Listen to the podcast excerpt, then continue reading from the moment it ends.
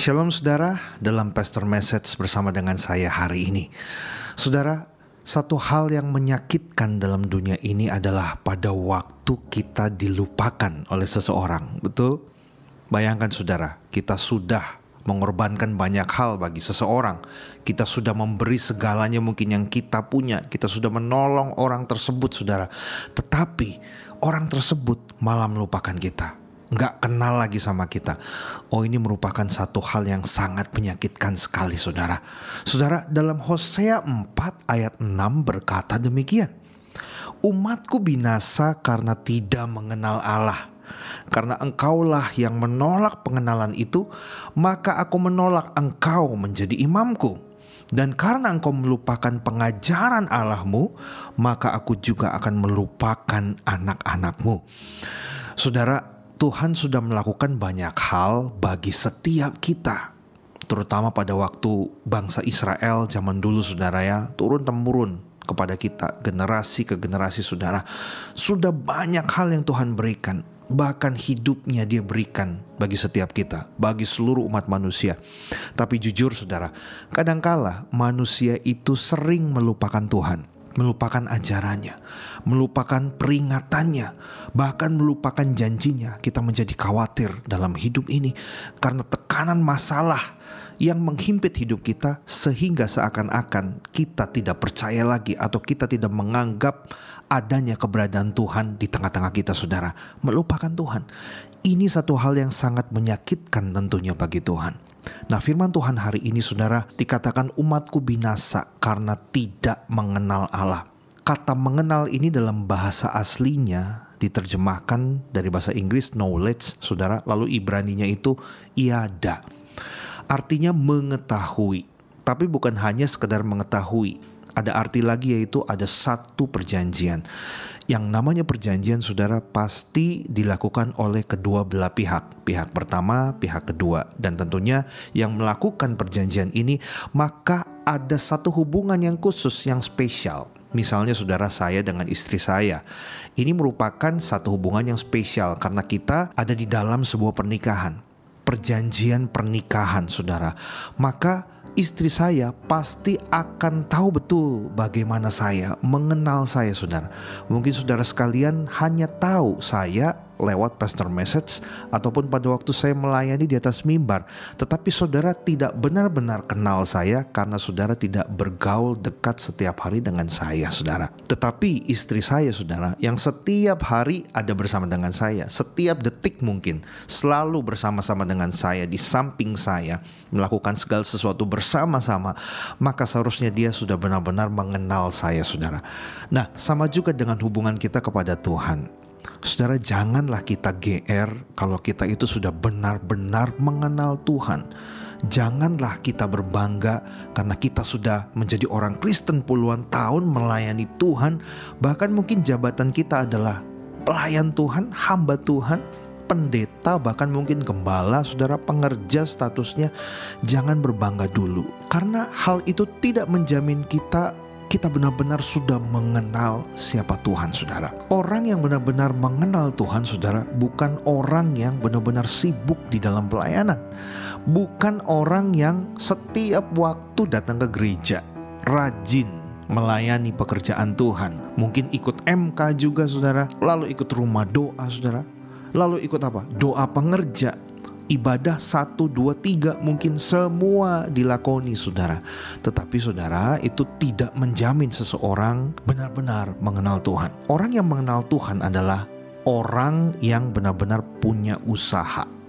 Orang yang benar-benar mau berproses untuk apa? Mengenal Tuhan lewat semua yang ia katakan di dalam firman-Nya. Dan tentunya saudara ini esensi daripada kekristenan. Seharusnya Orang yang mengenal Tuhan adalah orang yang melakukan apa yang Yesus lakukan. Semuanya itu tercatat di dalam Alkitab, saudara. Dan tentunya, saudara, hal ini bisa akan terjadi kalau kita memiliki paradigma yang baru, diubahkan dari hari ke hari, saudara, menjadi sama, memiliki pikiran seperti pikiran Kristus, saudara. Latar belakang kita berbeda, keimanan kita pun, saya yakin, saudara, levelnya itu berbeda, pengalaman hidup kita berbeda siapa yang mengajari kita saudara dalam kekristenan orangnya berbeda-beda.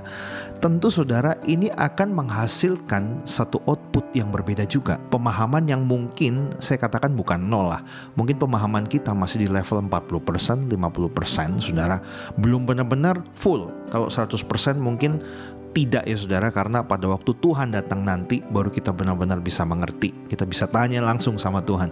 Tapi selama kita masih ada dalam dunia ini, kita mungkin belum bisa benar-benar memahami 100% tentang ketuhanan saudara. Yang paling penting adalah perubahan paradigma. Sudahkah saat ini kita punya paradigma yang baru saudara? So, jangan sampai berpuluh-puluh tahun kita jadi orang Kristen, kita mengikut Tuhan, yang dibaca ayatnya itu-itu aja, yang dipahami saudara ayatnya itu-itu saja. Karena dulu mungkin saya diajarinya seperti itu maka saya percaya ya seperti itu sudah. Sampai selama-lamanya juga seperti itu. Saudara come on hari ini segala sesuatu udah canggih setiap kita udah punya gadget, punya handphone. Saudara, saya gunakan handphone saya itu bukan hanya untuk berkomunikasi atau bersosial media, tetapi di dalamnya itu ada banyak aplikasi tafsiran, renungan harian, lalu Alkitab berbagai versi saudara untuk mempelajari firman Tuhan. Karena saya mau apa? Lebih kenal Tuhan lebih lagi saudara. Dan hal itu tidak mungkin saya dapatkan hanya dengan berdoa ataupun mungkin hanya praise and worship saja, tidak bisa.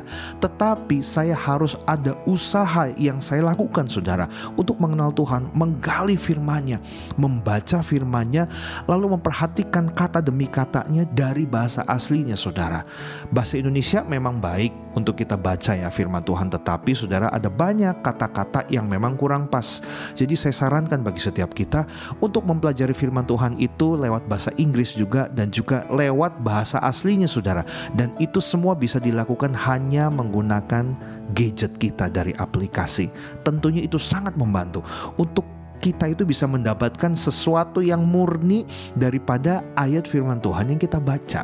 Contohnya saudara ya, pada waktu dulu pengajaran dulu adalah gereja pelayanan itu nomor satu jadi semua boleh ditinggalkan keluarga, pekerjaan, utamakan gereja dulu, utamakan dulu pelayanan Tuhan saudara.